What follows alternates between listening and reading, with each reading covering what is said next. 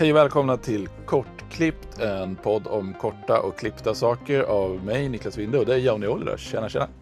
Tjenare Niklas, hur är läget? Nej, men det är bra, det är bra. Jag försöker eh, ta mig fram i snöslasket på mina sommardäck. Det är lite sådär faktiskt. Men eh, de hade inte tid att byta åt mig förrän nästa torsdag, så det får väl gå. Aj, aj, aj. Ja, ni har ju värsta rusket där i den delen av Sverige just nu. Jag hade sol idag hela dagen. Jag var ute och hade med och drack kaffe. Nej, det är inte okej. Jag, hade, jag har haft snöslask och elände och så är det ju höstlov så jag var tvungen att skjutsa dottern fram och tillbaka. Det är hopplöst. Precis. Det här är varför man bor i södra delen av Sverige. Du, jag skulle vilja bo i södra delen av världen, kan jag tala om för dig. Ja, men så är det väl. Lite grann Ja, så är det. Inte, inte allra södraste, för då blir man ju granne med pingviner och skit. Precis, precis. det hade varit snyggt. ja. Fast å andra sidan så kan väl kanske Antarktis blir det väl, eh, inspirerat till ganska ödesmättad och trevlig musik. Det måste jag säga. Jag gjorde inte Evangelis en skiva som heter Antarktika om jag inte minns fel. Den är låt. Ringen Jo. och klockor som är väldigt så här sto, stora hav och tingeltangel och väldigt fin sådär. Eh, Ja. Vill jag minnas. Ja, Mm. jag känner igen det där nu när du säger det. Det får vi ta fram. Vi får plocka fram den låten efter det här avsnittet. Ja, det får vi göra. Vi länkar till den. Men du eh, hade stött på någonting spännande du ville berätta om, hintade du om innan vi slog på spela in-knappen. Ja, idag av en, av en ren händelse så satt jag som jag aldrig har gjort förut, surfade på internet och så sprang jag över Bastel, du vet de här checkerna eh, som bygger massvis med fräna eh, modulsyntar och microgranny och allt vad de heter. De har gjort en liten app till, Eh, jag, vet, jag vet inte om den finns till Android än, men jag tankade ner den för iPhone. Den heter Outsideify, det vill säga ungefär som Spotify fast på utsidan, Outsideify. Och den här lilla appen gör det är att den, det är som en loop looper kan man säga. Den tar den signalen som den får in från mikrofonen. Eh, så har du en, ett delay eh, med feedback och, och typ ton och sånt där och även möjlighet att ställa in hastighet på feedbacken. Så kan du då spela in det materialet som du hör. Men det kluriga med den här appen är att den spelar även upp där du spelar in. Så du får som en feedback-loop som händer mellan mikrofonen och högtalarna i telefonen. Eh, så man får väldigt, väldigt roliga intressanta artefakter av det här. Så kan man även då eh, spela in då eller flytta signalen, det inspelade materialet till en liten looper. Eh, så kan man dubba på mer information om man vill. Och pitcha ner och pitcha upp allt möjligt. Väldigt, väldigt enkel, väldigt små, okomplicerade eh, alltså möjligheter till att justera ljudet. Eh, Men jag fann att det var extremt roligt att leka med. Så jag satt här i en halvtimme, 45 minuter och gjorde en låt med den där. Ja. Nu, är, nu är inte det riktigt kanske någonting som jag vill spela utan det är mer noise-relaterat så då. Men just det här då, eh, gå omkring med telefonen eh, i fickan och kanske hitta ett roligt ljudmaterial någonstans ute i naturen eller i, eller inne på stan liksom och spela in det ljudet och loopa det och sen feedbacka det med sig själv. Alltså man får riktigt, riktigt roliga och intressanta resultat så att eh, jag vart super, super taggad av den där. Eh, snackade med min gode vän Henrik också, skickade en länk till honom att "Ö, det måste du tanka ner, prova det här, skitkul liksom. Så han satt och gjorde oljud också här i, Men- i förmiddags. Men är det fördröjning på det som spelas upp då, så att man får liksom som en ekoeffekt, eller, eller kan man bestämma det själv? Alltså, man kan inte ställa timingen kan man inte göra, men det är typ mer eller mindre instant. Det rör sig om någon millisekund bara, så det som går ut genom högtalaren går in genom micken igen. Mm. Och man kan även, alltså nu har inte jag testat det, men man kan eh, typ mäta eh, resonanser i olika kärl. Man stoppar liksom, så skickar den ut som en signal eh, ut genom högtalaren. Så man stoppar den i ett glas exempelvis. Och sen så kan man liksom mäta då, de olika tonala frekvenserna på olika objekt om man vill. Eh, Ja, riktigt häftigt är det. Riktigt häftigt. Så Ja. det tipsar jag om. Kostar bara 79 kronor. Eh, men skyll inte på mig om ni tyckte det var dåligt. Jag tyckte det var skoj i alla fall. Eh, alltså, alltså Outsidify hette den. Det är ett, ett stort insider-tips från mig. Men, men eh, jag måste bara fråga lite mer roliga saker. Men då kan man alltså eh, hålla på och leka med det där och sen exportera det till sin DAV då förmodar jag och, och ta det vidare. Absolut, du spelar in det, kommer ut som WAV-filer. Eh, jag sparar ju direkt till min Dropbox, gör jag. Eh, från telefonen. Så hamnar de liksom i Dropboxen på min dator, så kan jag bara importera dem till Cubase och latcha vidare med dem. Eh, så det är ju, alltså kvaliteten är ju avhängd såklart då till där du spelar in. Jag provade att spela in lite piano och sånt där och det var väldigt roligt och intressant när man loopade igenom och så pitchade jag ner då eh, det loopade materialet en hel oktav och så spelade jag in en till runda på det. Så pitchade jag upp och spelade in en till runda och så pitchade jag ner. Så fick väldigt roliga, intressanta resultat på det sättet. Eh, och jag stötte inte på någon längdbegränsning direkt sådär när jag lekte med de grejerna. Men jag satt i alla fall kanske 30, 45, en minut och någonting i vissa fall och spelade in saker. Och så att bufferten verkar vara ganska så stor och, och trevlig. Men eh, jag låter det vara osagt, jag har inte läst spesarna då. Men jag upplevde det inte som en begränsning i alla fall. Nej, nej. Men vad roligt då, för att jag, jag har ju hört jättemånga människor säga att de använder sin telefon till att spela in olika grejer och sampla och använda som bakgrundsljud eller ibland använder man det till och med som huvudinspelning, alltså för att få en liten lo-fi känsla. Eller ja, ibland är det tillräckligt bra inspelat så att det liksom duger för utgivning också. Ja, Eh, precis. Men det här är ju liksom ett ytterligare ett steg då, med lite fler verktyg i själva inspelningsmekanismen då. Precis, allting är ju förstörande då, så att eh, den signalen som påverkas, du kan ju inte få ut det torra på något sätt, kan du inte få. Nej. Utan att det du förstör, det är så det låter. Men eh, jag använder ju precis på samma sätt min telefon till att spela in saker i naturen, jag spelar in demos på pianot, på gitarren, jada jada. Då kan man ju ta det här nivå extra och busa till det lite grann. Så kanske man kan återanvända det materialet också i den slutgiltiga låten. Så att, nej, jag tyckte det var, jag har inte haft så roligt med en app på jag minns inte sist. Den här Tom the Cat, om ni kommer ihåg, man pratade så svarade en katt tillbaka telefonen. Så länge sedan var det jag hade kul med en app liksom. Så det här var Oj. skitroligt. Ja. ja, det var länge sedan. Eh, Men jag har ju faktiskt eftersökt just att liksom kunna ha någon app och musicera med. Så det där låter ju klockrent, det måste jag testa. Mm. Bra, jag skulle vilja slå ett till slag för våra vänner på Kilo, Kilohertz. Eh, därför att jag eh, bytte ett projekt med Arvid Tuba häromdagen där vi använder bara stockpluggar och gratispluggar som vi båda har. Eh, då visade det sig att eh, mina mina kilohertz var äldre än hans. Eh, och då skulle jag, då tänkte jag, åh, orkar jag uppdatera och hålla på och krångla. Men, ja, men jag vill öppna projektet så jag gör det ändå. Då visade det sig att deras upp, uppdateringsprocedur var ju hur enkel som helst. Det var ju bara att ladda hem deras eh, installer-grunka och så stod det så här, du har redan de här installerade men du kan uppgradera, tryck här. Och så, hopp, så, så är det klart. Underbart, stor hatt av och tumme upp för, för sånt. Det där låter ju nästan lite overkligt. Jag menar, det är sådär, man, det här är en av de grejerna som jag hatar med datorer. Hatar är ett starkt ord, jag vet det, men ibland så känns det känns faktiskt som att man sitter framför sin maskin och ska man börja spela och så är det någonting som måste uppdateras. Då tänker man liksom, ja ja, jag kör väl en uppdatering och sen så kör jag. Och sitter man då en timme senare liksom och så håller det fortfarande på och tuggar. Eh, det är ju sjukt, eh, alltså misspeppande för den kreativa processen. Ja. Att ha sånt som blockerar. Det är mycket därför varför jag alltid liksom graviterar mot hårdvara. För att det it is what it is liksom. Det, det behövs inte uppdateras. Nej, och, och, ja, men å andra sidan då så kan man ju drabbas av, av syntar som har mjukvaror som aldrig blir klara. Och så, så, så finns det buggar i dem som man stör sig på. Ehm, så då, då kan det vara fint med en uppdatering som löser det. Det är sant, det är sant. Jag, hade, jag köpte min Elektron Analog 4. Jag hade version 1.01. Eh, ända till, jag var det 2018 jag uppdaterade den, eller 2019. För att jag kände inte liksom ett behov av att uppdatera mig. Nej nu ljuger jag, jag tror det var 2017 kanske det var till och med. Men det var väldigt, väldigt, väldigt många år så körde jag på samma revision. För jag kände inte att nej men de här nya features som de hade levererat var ingenting som jag var intresserad av. Eh, men sen så var det någonting de släppte, nu minns inte jag om det var FM-syntes eller något sånt där. Eh, nu kanske jag lurar mig själv här då, eh, när det gäller årtalen. Var någonstans där det kom en ny feature som jag verkligen kände att den här måste jag ha. Eh, då var det så här, shit, jag har aldrig uppgraderat min analog 4 förut. Eh, hur gör jag det här? Så det var ju liksom en upplevelse där också i sig.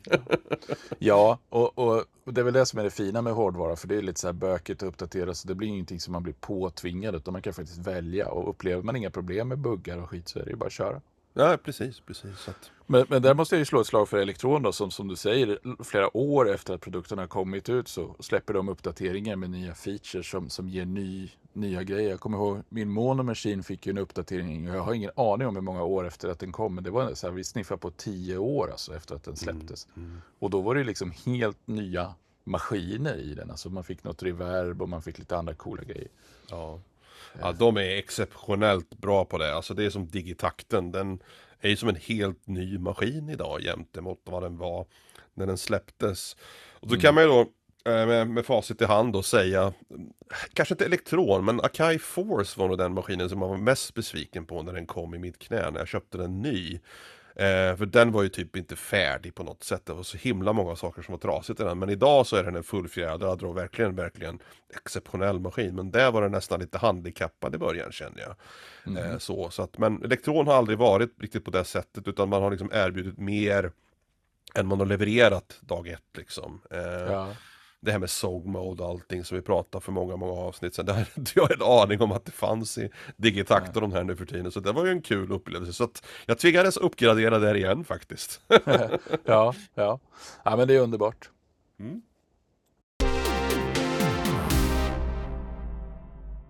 En sak som jag tycker är jätterolig är att jobba med olika musiker och artister eh, som är på väg upp. Liksom. Det är lite det som, som eh, Svensk hushållssyn på sätt och vis handlar om. Att, att liksom hjälpa folk att, att få luft under vingarna och tro på sig själva.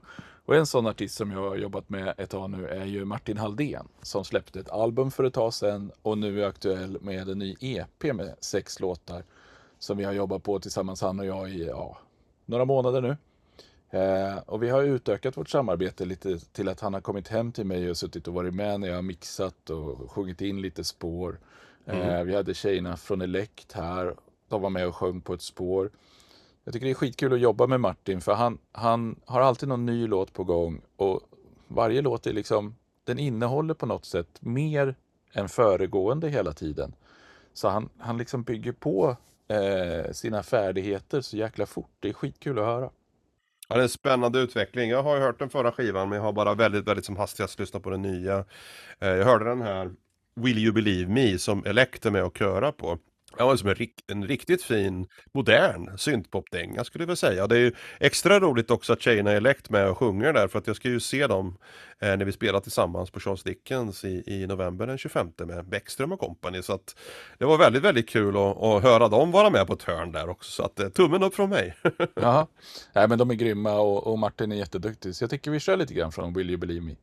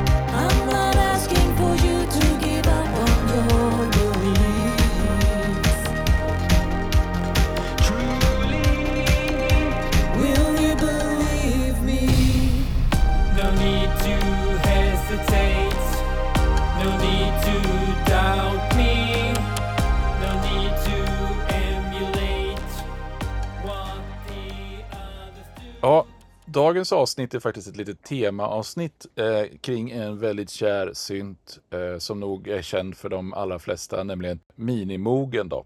Vad har du för relation till Minimogen, Jauni? Alltså Minimogen är en sån här eh, synt som när jag hade en eh, och de åren innan jag köpte en så var den nog inte lika magisk tror jag för mig som, som maskin och entitet. Eh, just för att jag tror jag aldrig riktigt hade kopplat liksom hur den hade använts i den musiken som jag hade lyssnat på när jag var yngre.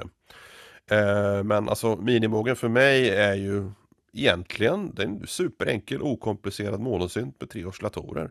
Som bara låter helt fantastiskt bra. Och det filtret som, som den har också eh, är ju något väldigt, väldigt unikt kombinerat då med de snabba enveloperna. Det är väl egentligen det som är kanske bland det viktigaste tycker jag när man skriver melodier och slingor och basgångar och sånt där med en minimog. Att man får de här verkligen superskarpa attackljuden liksom som det är väldigt svårt att hitta. Eh, inte idag kanske, men då var det inte så många som var så snabba. Alltså, Pro 1 var väl i samma liga tror jag, eh, om jag inte Mm. vill, minnas fel då. Men Minimogen det var något speciellt med den här tredjeårsdatorn som verkligen fick allting att gräva liksom, ner till källaren till och med. Eh, så, det, det, så det är ju lite grann av en hatkärlek kärlek till den maskinen i och med att den är så himla otymplig. Vadå mini? liksom. Ja. Så att den där fick man ju aldrig med sig ut någonstans. Man var ju rädd om den och så för att den var så otymplig och lite skör kanske. Eh, Mm. Så att jag kände väl inte riktigt att, att den fick den en omsorg som den kanske skulle kunna behövt ha ifrån mig under de åren som jag ägde min Mini. Jag tror det var 74 jag hade om jag inte minns fel. Mm. Eh, så den var stabil och bra, mådde fint, var lite wobbliga tangenter som många av de tidiga versionerna hade. Men den lät väldigt trevligt och du vet Alltså, det finns inte, inte mycket som slår det soundet. När man brassar på alla tre oscillatorer samtidigt så får det inte plats så mycket annat i ljudbilden. Eh, Nej, nej, så är det ju. Den äter ju upp ljudbilden lite grann. Jag tänkte Ja. vi ska dra lite, lite historik och lite kuriosa kring det här. Eh, det finns ju väldigt mycket att läsa kring Minimogen på nätet. Framförallt sedan eh, Moog har gett ut reissuen både 2016 och så kom det väl en nu, var det i år eller var det förra året? Ja, jag tror det var förra året om jag inte minns fel. Ja, precis. Eh, men i alla fall då lite kort. Så 1953 så började Bob Moog sälja terminer från sin källare hemifrån. Och började få fart på den försäljningen lite grann. Eh, på 60-talet så kom modularerna. Och då kom ju den här Switchdown Bach med eh, Wendy Walter Carlos någon gång i slutet 60-talet. Eh, så den första minimogen, Model D, den, alltså den kommersiella minimogen, den kom 1970. Sen kom ju den i några revisioner då, som du sa, eh, angående stabiliteten då, bytte de till exempel oscillatorkorten till lite stabilare kort. Och man gjorde tre prototyper. Först kom Model A som bara var ett hopplock av moduler som de hade liggande som de liksom tåtade ihop lite grann.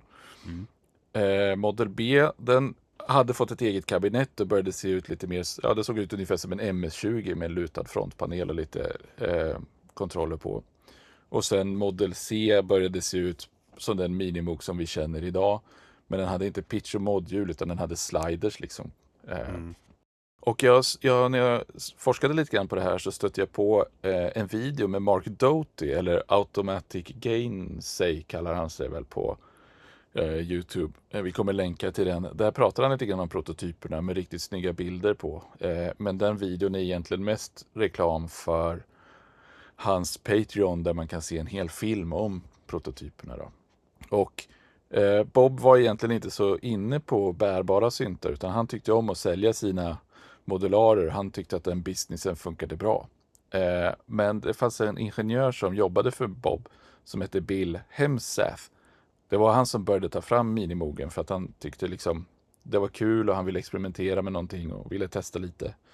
Eh, Så det var han som slängde ihop de här modulerna och började, sen hade de liksom en inhouse-artist som liksom testade deras prylar åt dem och, och liksom körde med dem på scen och släppte med dem till sina replokaler och sånt där. Och de var ju väldigt förtjusta i den här bärbara så att de jagade på dem lite grann om att bygga dem vidare. Men, men Bob höll emot då.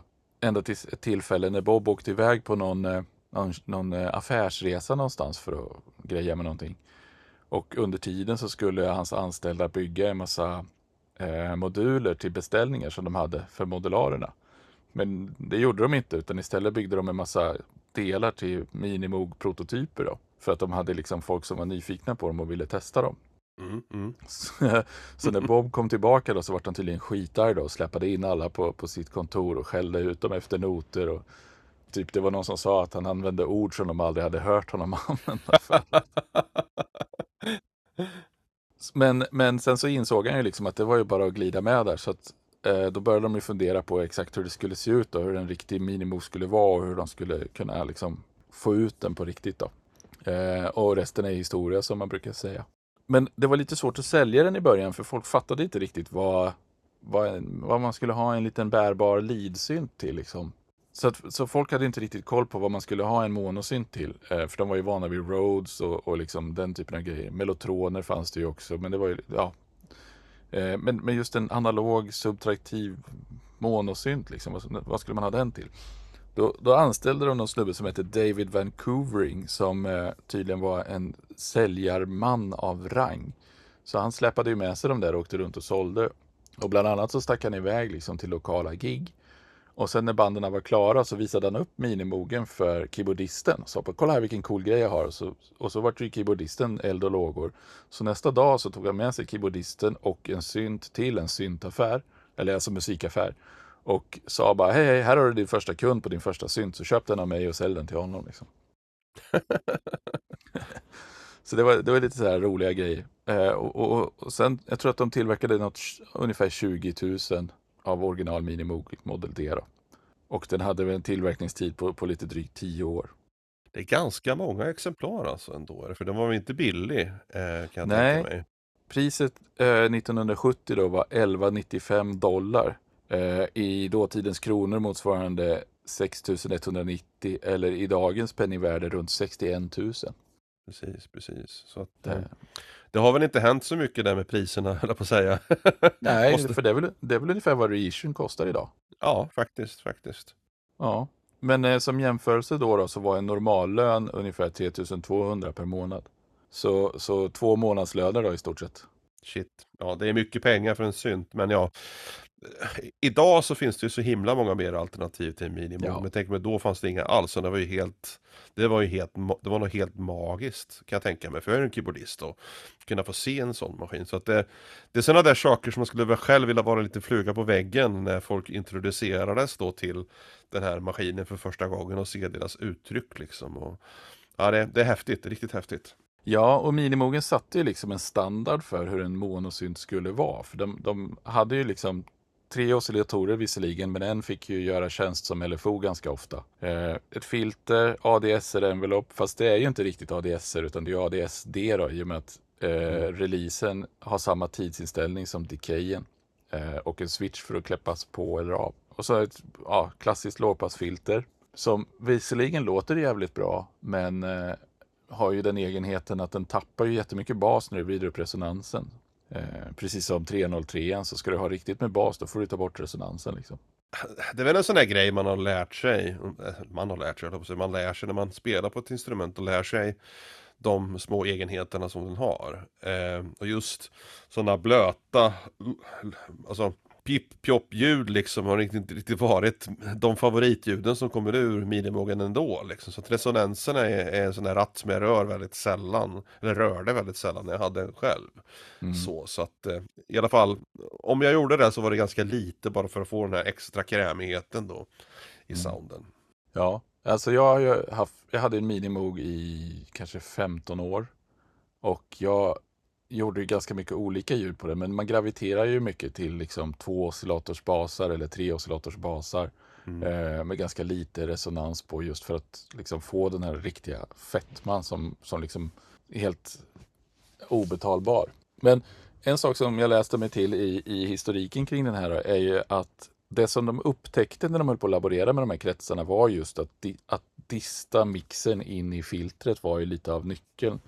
Mm. Så, så nu vet jag inte exakt vad man ska ställa rattarna på, men någonstans efter klockan två eller vad man ska säga så, så börjar det ju överstyra lite grann. Ja, det var någonstans där på min typ 2-3, klockan 2-3. Så började Ja. hända grejer. Framförallt om man drog, eh, man kanske hade en 8 eller 16 fotare som man drog på nästa max och så tryckte man då upp en 32 under, typ klockan Mm. två, tre, så att de liksom börjar mosa ihop sig liksom. Mm, Där magin sker. mm. Det lät jättegosigt. Mm. Jag skulle vilja spela ett litet ljudexempel från eh, tiden då jag hade min minimog. Eh, det är en väldigt naiv låt så att jag ska inte spela mycket av den. Men en sak som jag tycker är väldigt rolig med just Minimogen är att eftersom Oscillator 3 kan modulera filtret så kan den ju göra det dels i audiohastighet och dels eh, trackande keyboardet så att den följer med liksom samma ton man spelar. Och ställer man in det där alldeles rätt så får man ett väldigt vokalt ljud om man har jättemycket resonans på filtret så kan man hitta väldigt sådär eh, vokala ljud. Och det är nästan så att man eh, inte kan låta bli att börja forma munnen som ljudet man hör när man spelar. eh, så det låter så här.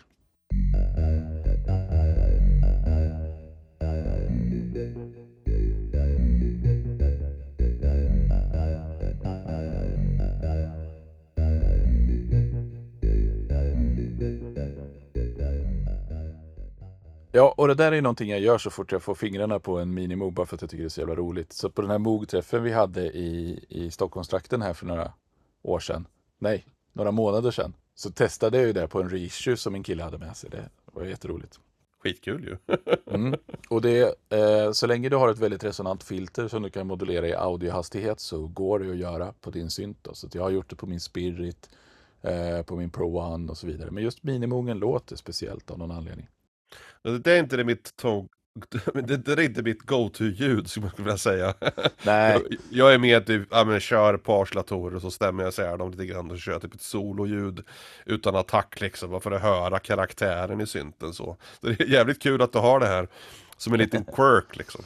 Ja, men det är alltid roligt att se om det går. Sen så är det ju så här, det är ju en liten tight sweet spot, så det är väldigt, man måste ju hitta rätt, men man märker direkt när man gör det. Liksom. Mm, mm.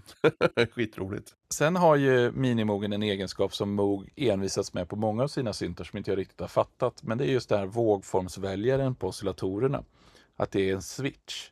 Och sen så började de ju med, med, med kontinuerligt varierbara vågformer. Men, men på Minimogen så är det ju liksom en switch så du väljer exakt den vågform du ska ha.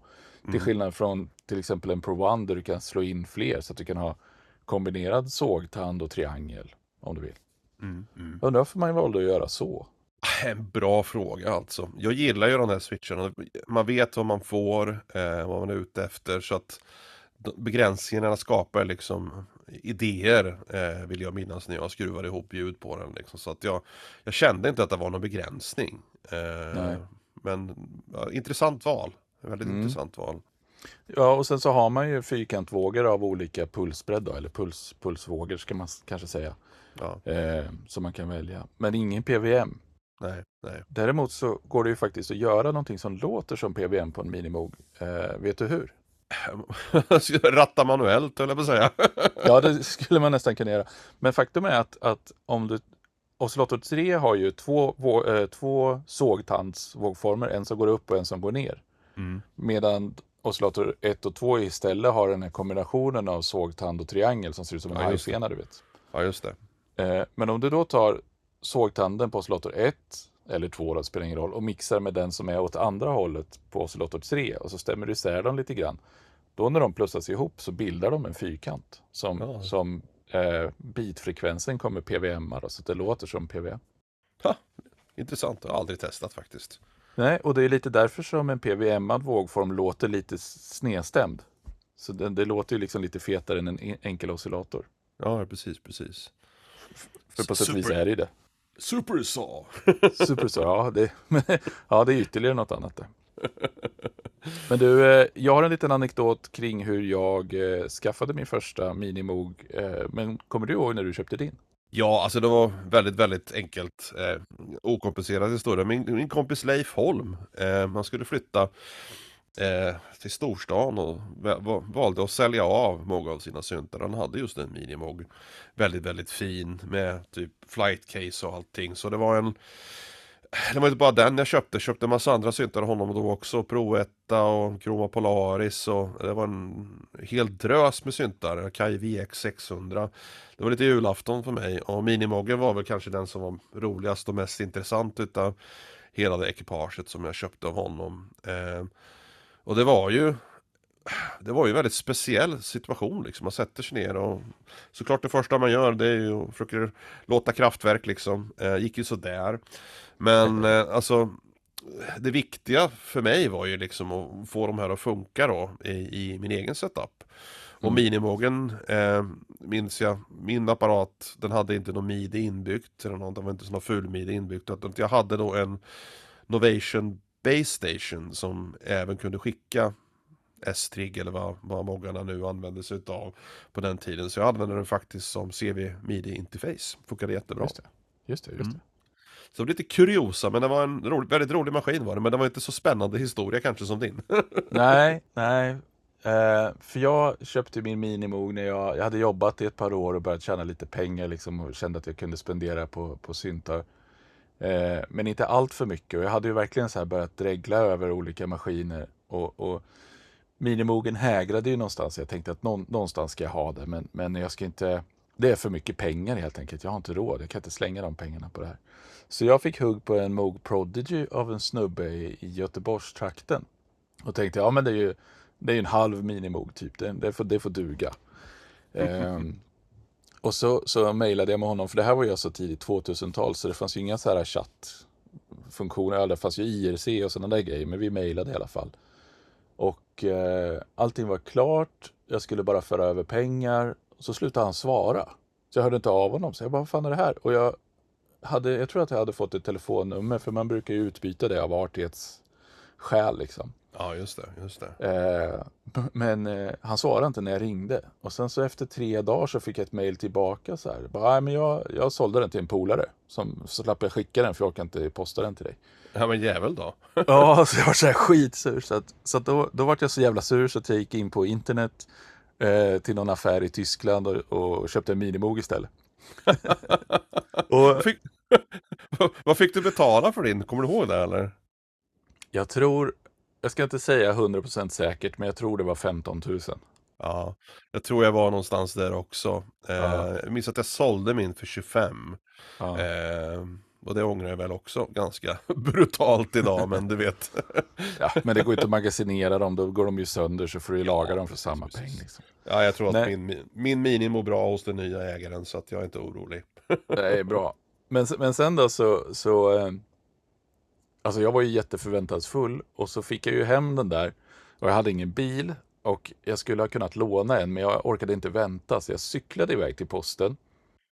Och så, och så sa jag bara vill hämta ut det här paketet. Ja, så, så var ju det ganska otympligt då. Så tanten som, som puttade ut genom dörren då till, till postlokalen, liksom, hon lyckades välta den där så att den liksom föll på sidan. Jag bara, men vad fan, min synt liksom. Men i alla fall, eh, jag baxade upp den där på pakethållaren och så, det var så typ i februari, mars någonting, så det var snöglopp och skit ute. Och den var ju så stor så det gick inte att klämma fast och jag, och jag hade för korta sådana här gummiremmar du vet som man spänner fast grejer på cykeln med. Så att jag gick liksom och ledde cykeln från posten hem i snögloppet med den där jävla lådan bak på pakethållaren och höll i alltihopa så här. Och baxade upp den i lägenheten och, och så visste jag ju liksom att man ska vara försiktig med elektronik när den har varit ute och blivit kall. Den ska få acklimatisera sig lite grann. Så jag bara, ja, usch, ja men jag får inte spela på den, jag får inte spela på den, men jag får ta ut den och, och, och titta på den. Så jag öppnade den där lådan och då hade de där tyskarna inte packat med, du vet så här packpeanuts eh, Nej, i, nej. i, i frigolit, utan de hade packat med, med eh, tidningspapper som de hade kört i en dokumentförstörare typ. Så det Ja, var men så här, Strimlor, ja. Så att jag hade alltså jag fick ut ett helt jävla moln av sådana där strimlor när jag slet ut synten. Och så var den ju liksom bubbelplastad också då. Men, Ja, ja. men eh, ja, hela lägenheten var full i det där och synten var, hade, det hade ju krypit in på ställen och grejer du vet. Och så, så lät jag det vara några timmar. Tänkte jag så här, nu har den gått några timmar, nu får det fan vara, nu slår jag på den där. Och så slog jag på den och så skulle jag spela på den. Då kom det inget ljud. Och jag bara, vad fan, det kom inget ljud. Och så du vet, det finns ju jättemånga sätt att stänga av ljudet på en minimog. Ja, det gör Det liksom ja, typ tio saker som går att göra så att det liksom inte hörs. Så till slut fick jag ljud i den och då var det det här klassiska att tangentbordet, alltså de kontaktytorna var skitiga. Så att det liksom dubbeltriggade, den triggade inte i, i, liksom som den skulle. tonen sköt iväg åt alla möjliga håll för att det var liksom dålig kontaktyta. Så det var ju, den, den, den kändes ju som världens... Jag kände mig så lurad. Jag kan tänka mig det alltså. Ja, visst. Alltså jag köpte ju min synt av den kanske mest den personen som tar hand om sina syntar som små barn, Leif liksom. Ja. Så att, det var ju helt immaculate så att No problem. Nej, och för mig var det så här bara, nej vad fan har jag gjort? Har jag slängt 15 lök på det här och den funkar inte och jag fattar inte vad jag ska göra. Jag är så lurad. Så jag mejlade ju tyskarna så. Och det var, jag kunde nästan, jag, jag fick tillbaka ett mejl med typ en mening. Ehm, och jag kunde nästan liksom höra den, den översittande brytningen. Liksom, It's supposed to be like that. It is an old synthesizer. ja, men det gick att fixa till i alla fall och så blev den en väldigt kär vän i, i studion.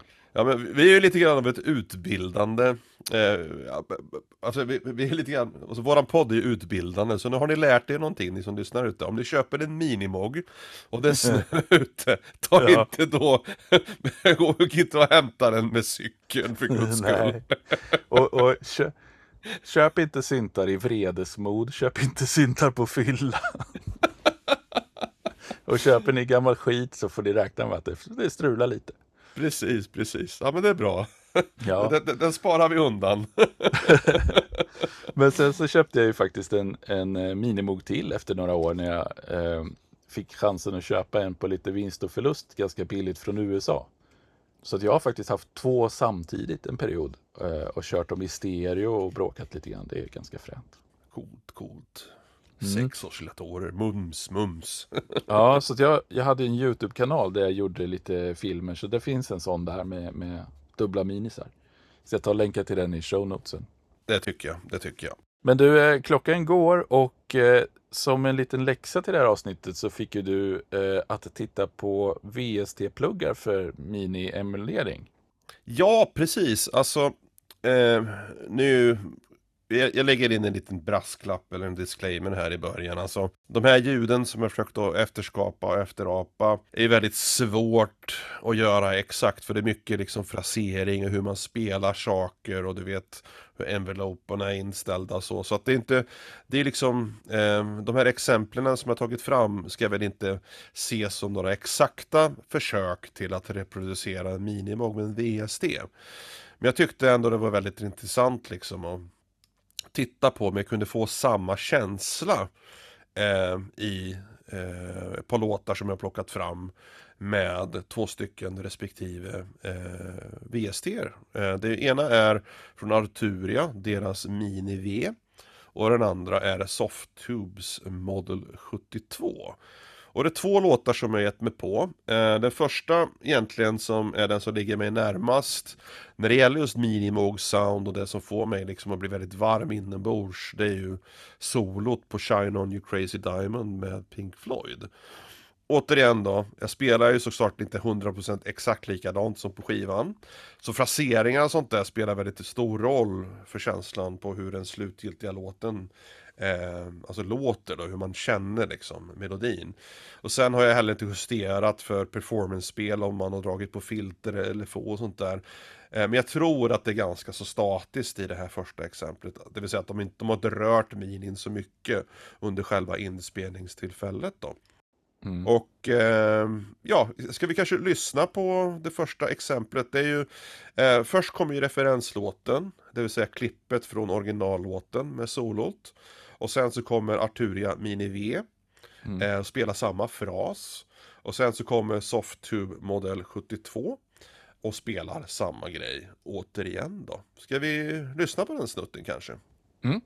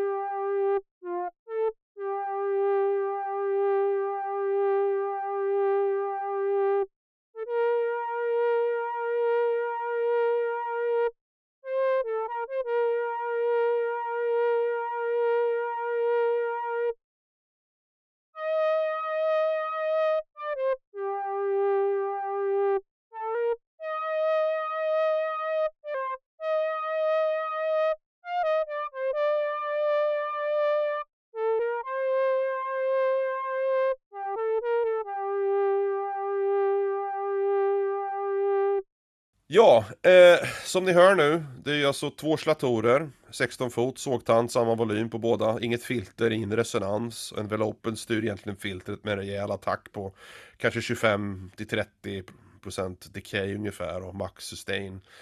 Eh, det är samma kurva på, på ampen, det är lite detunat då mellan oscillatorerna emellan och, och så är det en liten LFO som modulerar ettan lite grann som ett litet, litet vibrato. Så, vad, tyckte du Niklas? Känner du, hörde du någon skillnad mellan de olika, olika VSD och framförallt eh, med originalet? Ja, det, det är svårt att säga, att sätta fingret på exakt vad skillnaden är. Och det, som du säger, det kan ju liksom bero på din spelteknik och det kan ju bero på hur, hur du har rattat. För, för att eh, det är ju svårt att ratta det exakt likadant. För du har ju, och du har ju dessutom inte något patchschema på exakt hur de har Nej, gjort. nej, så nej, så att du nej, har ju gjort direkt fick jag tvungen att, hörsel, ly- ja, tvungen att lyssna mig till det liksom, så nära jag Mm. kunde komma. Ja, men jag tycker väl att båda gör ett jävligt bra jobb faktiskt. Jag tycker att det känns riktigt bra liksom. Ja, alltså det... Jag känner att båda syntarna har liksom bra kvaliteter. Eh, Mm om, jag ska, om jag ska jämföra då, Oscill- Oscillator Detune i Arturian var bra för den skapade lite mindre statiska rörelser mellan de olika oscillatorerna. För den har en sån här, um, inte bara, jag ställde ettan lite uppåt och tvåan lite neråt, eller om det var vice versa, jag minns inte. Så har du även en detune du kan dra på, den gör då att den här eh, frekvensbiten inte låter likadant eh, för varje ton som man spelar. Och det kände jag var mer autentiskt då än, än Model 72s variant. Eh, men ändå så låter den mycket tristare och tunnare av någon anledning än Model 72an. Även om den var mer liksom, man kunde höra den här frekvensbiten mer tydligt då när jag spelade upp i, i melodierna så hörde man en beep, beep, beep, beep, beep, beep, beep, beep, så går den saktare liksom på de lägre tonerna. Så hade den tonalt sett mer tillfredsställande sound, måste jag känna. Ja, Eh. jag, jag, jag upplever väl att Softube har lyckats bättre med den här överstyrningsgrejen av mixen. Liksom, så att Yes. få, få den där tjockheten liksom i det. Precis, det är ju rent generellt sett så har den även mer botten i ljudet. Eh, nu kanske det, det kanske inte riktigt kommer fram då i och med att det är ganska höga toner jag spelar på solot men eh, det kan vi prata om när vi lyssnar på nästa låt. Ja, jag vill bara sticka in en grej här. För det som, som jag upplever som ett väldigt, väldigt klassiskt minimogsljud är ju basen på eh, autobahn, om vi nu ska prata bas och fyllighet och sånt där. Eh, och det är väl egentligen, alltså, det är väldigt enkelt att känna igen en 303 som skriker, liksom, för den, den låter ju som den gör. Och den enda andra synt jag egentligen med något som helst förtroende kan peka ut är ju en minimog inställd på det sättet. då. Mm, Eh, för just den där basen, jag upplever den som träig på något sätt. Det är någon sorts liksom, träighet som, som är svår att förklara. Men precis som en trumma kan låta pappig, hur nu det låter, men alla förstår vad man menar. Så kan, kan en minimogbas låta träig. Så jag, tycker man, jag tror att man förstår vad jag menar ungefär. Vi kan köra lite, lite autobahn så får ni lyssna själva.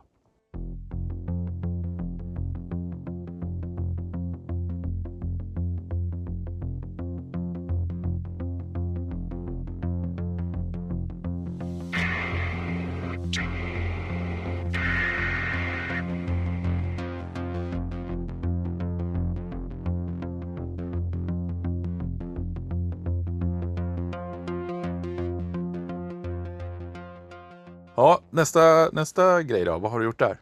Ja, eh, det här är ju en egen låt som jag själv har skrivit eh, tillsammans med min bror och med Magnus i mitt band som heter Mr Jones Machine som heter Shadow of a Doubt.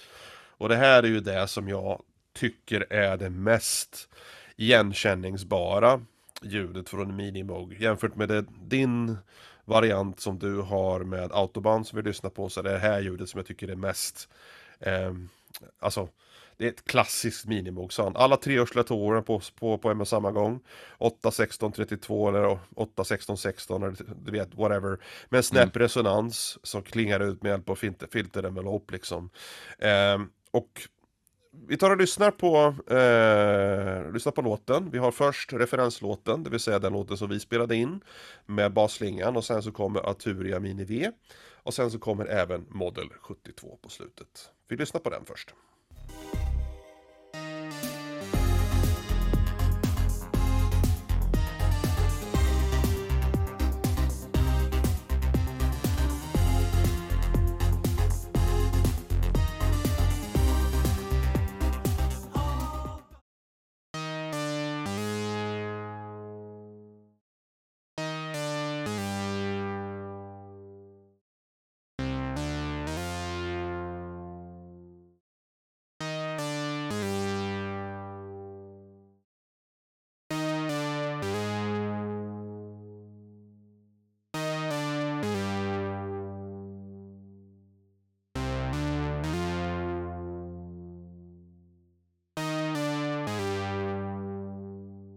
Ja, här tycker jag att det är ganska mycket större skillnad mellan eh, Arturia och Softtubes varianter. Eh, vad tror du det beror på?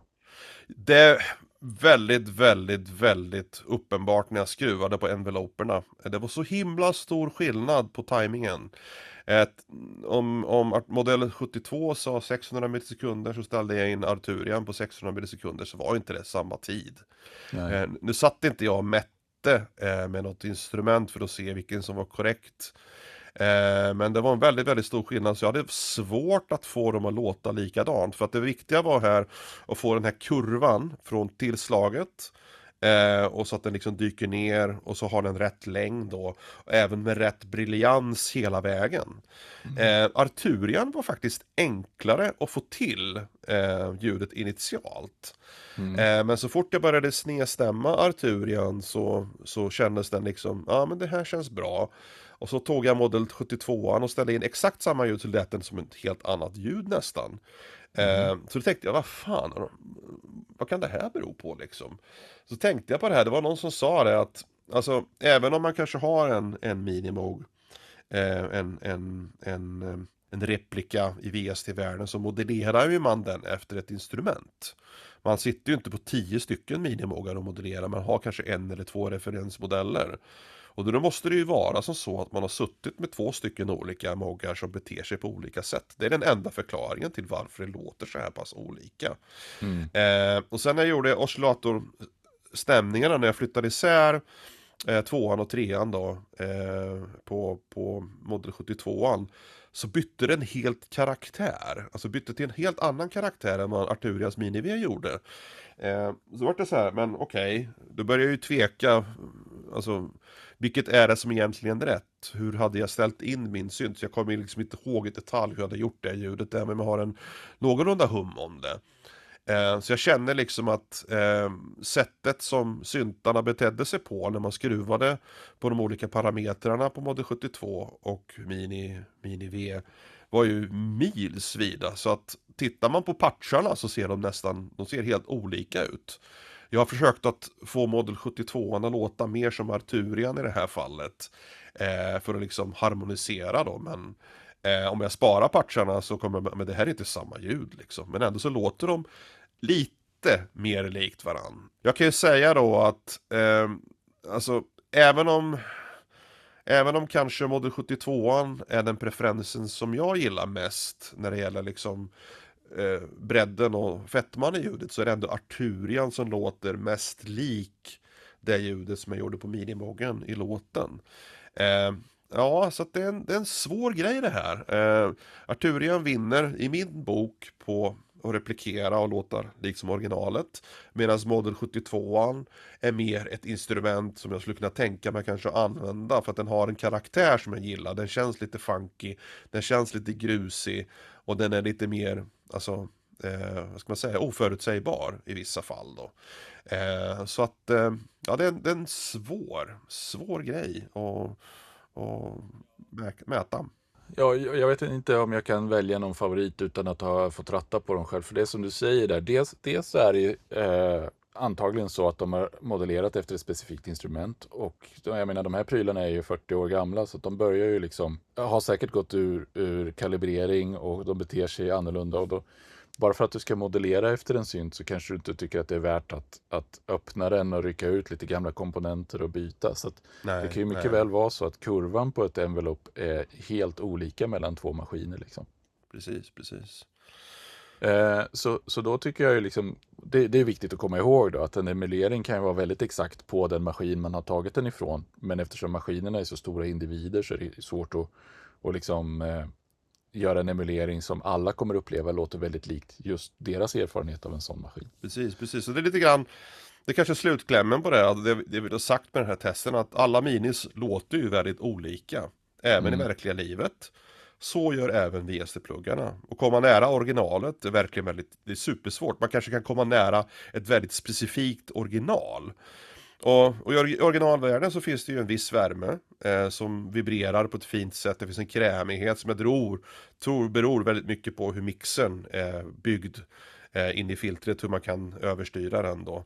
Eh, Och den är ju inte lika uppenbar i VST-världen och där gör, det ju, gör ju Model 72 en mycket bättre jobb än Mini-Vn.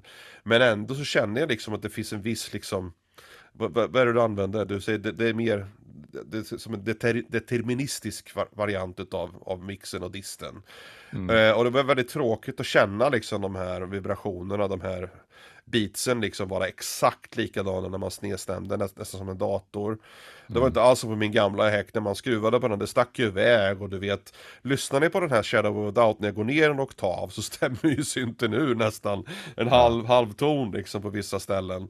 Eh, och det är det som är gött och den här liksom oförutsägbarheten som är väldigt viktig tror jag med gamla analogsyntar. Och det knyter väl lite grann an då till, till eh, eh det förra avsnittet eh, där du jobbade med att få in de här vintage-grejerna och det är någonting som jag tycker är viktigt att, att tänka på och kanske när man är då eh, tillverkare av vintagepluggar att man skapar en instabilitet för det är mycket av den här instabiliteten tror jag som är viktig för att man, man förväntar sig liksom inte höra samma sak man trycker ner en och samma ton flera gånger det ska skilja sig lite grann liksom Ja. Eh, ja.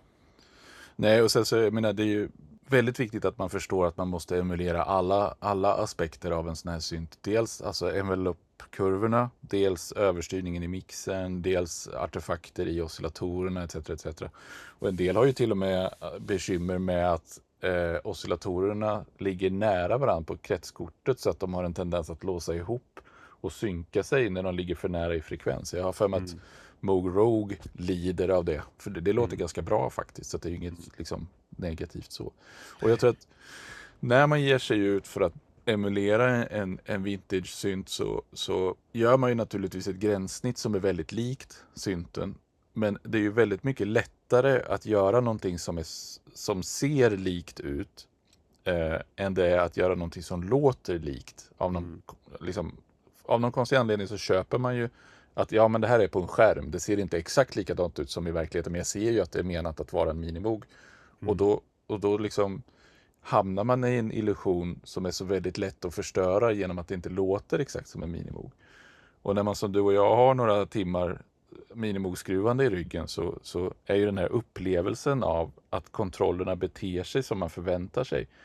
Den är ju väldigt lätt för oss att plocka upp och, och jämföra med den upplevelse som vi har av att skruva på pluggen. Och då är det nog väldigt svårt för en plugin-tillverkare liksom att få fram just den känslan som du och jag har haft av att skruva på riktiga exemplar. Precis, precis. Så att man ska då se de här pluggarna inte som en replika av en, en eh, originalsynt utan mer som ett eget fristående instrument som har alltså vissa kärnfunktioner då eh, från de här originalinstrumenten har en någorlunda likartad ton och, och, och känsla i sig. Eh, och så använder man de instrumenten eh, på det sättet istället för det går ju att göra de här ljuden på ett väldigt bra och väldigt likartat sätt. Men eh, man kommer inte riktigt 100% alltså. Jag trodde vi skulle komma närmare men eh, nu vill jag väl lägga in en brasklapp igen då. Jag kanske inte är den bästa eh, syntskruvaren på den här planeten. Det, det vill jag ha sagt för att det, det sådana här tester tar ju väldigt lång tid att göra. Mycket analys som behöver göras och ljuden som jag gjorde kanske inte var rätt framskruvade och så. Så med det, med det sagt så känner jag ändå liksom att eh, Eh, jag hade förväntat mig att komma lite, lite, lite närmre. Eh, så liten, liten, litet uns av besvikelse men även en litet, liten, eh, litet uns av glädje av att få, få skruva fram minimogljud igen. Det var faktiskt väldigt roligt. Ja. ja, och sen så tror jag att man eh, ska vara ödmjuk för att företag som jobbar med sånt här har andra begränsningar att ta hänsyn till. De kan till exempel inte slösa med CPU. Eh, för du skulle kunna göra en otroligt mycket fetare emulering om du fick använda 99% av CPUn.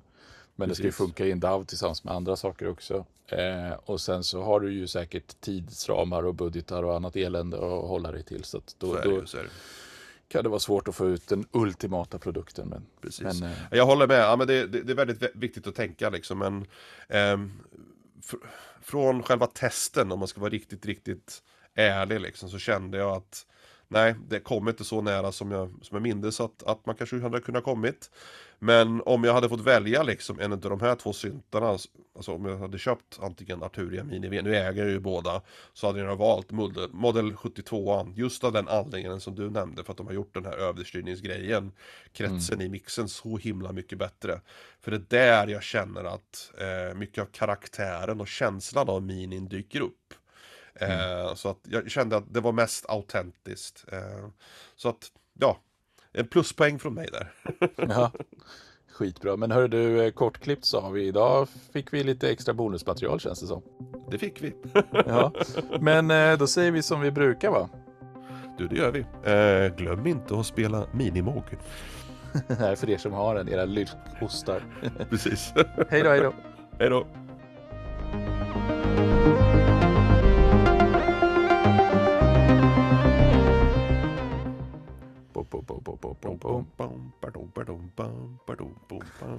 Fatta att spela det i 20 minuter. Ja, för fan, så jävla mäktigt, så jävla mäktigt.